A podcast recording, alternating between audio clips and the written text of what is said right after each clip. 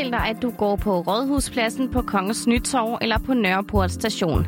Det er steder, hvor der er mange mennesker, som måske også observerer hinanden. Men nu er der endnu flere, der kigger med. For politiet har nemlig sat kameraer op her og flere andre steder i København med formålet om at øge trygheden. Men giver det mere tryghed, at kameraer følger en i nakken? Det undersøger vi i Indsigt i dag. Velkommen til.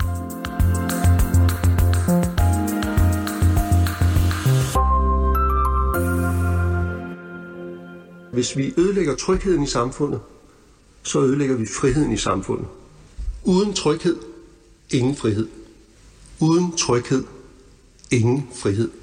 Og hvis man siger, det er rigtigt, så følger det logisk heraf, at med overvågning stiger friheden.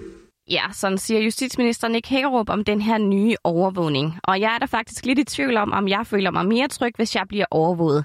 Jeg kan selvfølgelig godt se, at flere kameraer i gadebilledet kan gøre det lettere for politiet at finde gerningsmænd.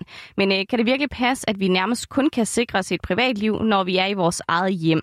Jamen det kan det altså ifølge politikerne, og derfor så er der i den her uge blevet sat kameraer op flere steder i København, som en forlængelse af regeringens udspil Tryghed og Sikkerhed i det offentlige rum fra 2019.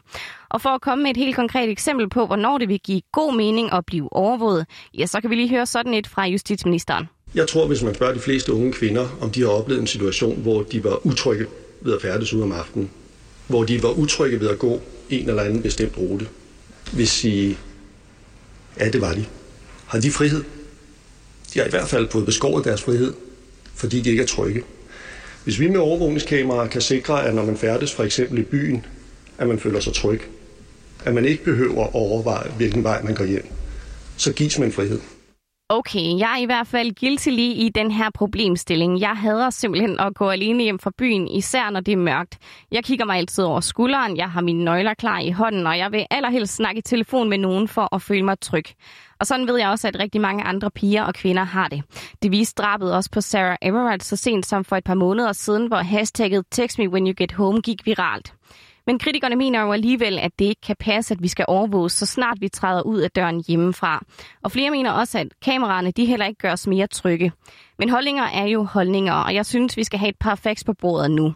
Gør overvågning os mere trygge? Det har vi spurgt Daniel Blåbjerg Sederkopf om. Han er idehistoriker, og så er han tilknyttet kernegruppen i Center for Overvågningsstudier på Aarhus Universitet. Altså forskning fra for eksempel Norge, Danmark og England peger på, at øh, det faktisk ikke er folks øh, oplevelse, at de føler sig mere trygge, efter der er blevet sat kameraer op i det offentlige rum.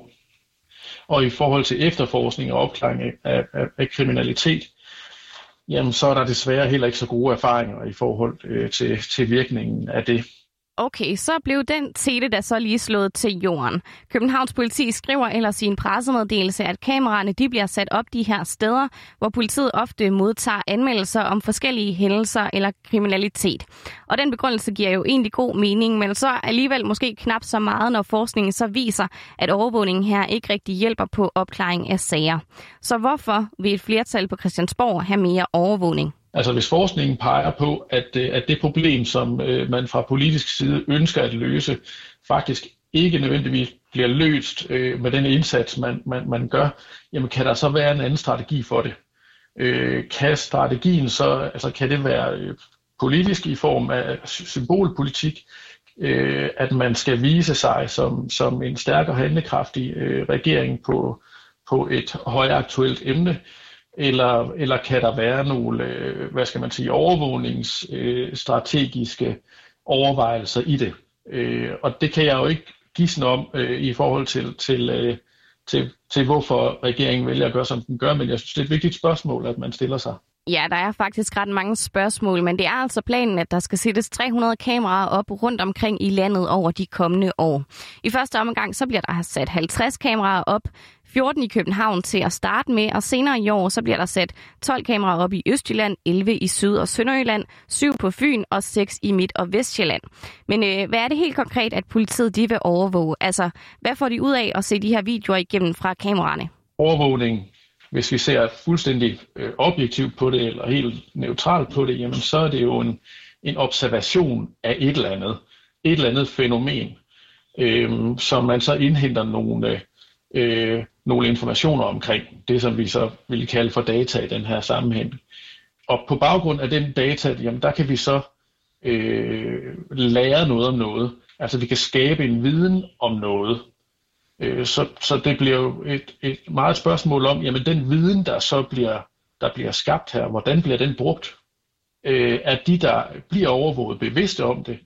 Øh, og den viden, som man, øh, hvad skal man sige, producerer ved overvågning, hvordan bliver den brugt? Ja, for hvad er det egentlig, politiet de kigger efter, når de går de her optagelser igennem? Det er måske det helt store spørgsmål, og det ved vi faktisk ikke. Altså ikke andet end regeringen siger, at mere overvågning vil hjælpe politiet i forbindelse med efterforskninger. Det man ser i forhold til kameraovervågning også, jamen er jo, at, at der ofte sker det, at, det, at, at det, der faktisk er sådan nogle spillover-effekt, altså at, at, at at overvågningsdataen øh, kan blive brugt øh, på andre områder, end det egentlig er formuleret til at være. Øh, og her kan man jo så sige, at jamen, hvis man ligesom kombinerer den her gamle teknologi, som er videoovervågningen, med nyere teknologi, som er for eksempel ansigtsgenkendelse, øh, jamen, så er der i hvert fald en, en helt anden overvågningstype, som man åbner op for. Ja, for ansigtsgenkendelse, det er altså en helt anden snak, og det vil give en mere voldsom overvågning. Altså skræmme eksemplet, som flere måske vil, vil pege til, vil jo være for eksempel, jamen ansigtsgenkendelse øh, øh, koblet sammen med overvågning, øh, med et skræmme eksempel i, hvordan det ser ud i, øh, i Kina og deres øh, social credit score, Ja, for i Kina der giver regeringen kineserne point for deres opførsel. Det vil altså sige, at hvis kineserne for eksempel går over for rødt, eller har glemt at afbestille en bordreservation på en restaurant, så får de en dårlig score. Er de derimod gode samfundsborgere, som for eksempel donerer blod eller arbejder frivilligt, ja, så får de altså pluspoint på kontoen. Og hvis man ikke er en regelrytter og får mange minuspoint, så kan regeringen for eksempel nægte en adgang til at flyve, eller gøre det sværere for folk at få et job. Men nu har jeg altså læst mig igennem den danske regerings 16 initiativer, der skal give mere tryghed og sikkerhed. Og her er ansigtsgenkendelse i hvert fald ikke nævnt lige de her initiativer.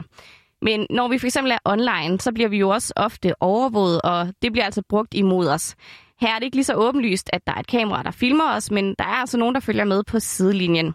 Jeg synes for eksempel, det er lidt skræmmende, at hvis jeg søger på en rejse, så er mit feed bagefter propfyldt med rejsetilbud det er efterhånden ved at være generel viden, ikke? at overvågning bliver brugt til at skræddersy øh, en, en bestemt type af kommunikation til os, for at ligesom påvirke os til at, øh, at gøre noget bestemt. Altså enten at stemme på noget, eller at købe det her produkt, eller at øh, handle på, på, på en anden måde, end vi måske øh, ville have gjort øh, fra egen hånd. Øh, så er vi jo ude i synes jeg, et sådan større spørgsmål i forhold til de demokratiske øh, værdier, øh, som, som, som vi siges at, at, at leve under. Ikke? Øh, øh, altså, demokrati er ikke, og, og den frihed, som vi har, er ikke en selvfølgelighed. Øh, vi, skal, vi skal løbende være opmærksomme i forhold til, øh, hvad der sker. Ja, vi skal altid have øjne og ører åbne. Og om vi nogensinde finder ud af, hvordan politiet helt konkret kommer til at bruge de her nye videoovervågninger, ja, det kan kun tiden vise. I hvert fald så kan jeg fortælle, at du nok skal blive gjort opmærksom, hvis du en dag bliver filmet. For politiet, de sætter nemlig altid skilte op i de områder, hvor de sætter kameraer op. Og så synes jeg da faktisk, at vi skal slutte, hvor vi startede, nemlig med en bid fra justitsministeren. Fordi i en tale, der stiller han nemlig sig selv et ret vigtigt spørgsmål.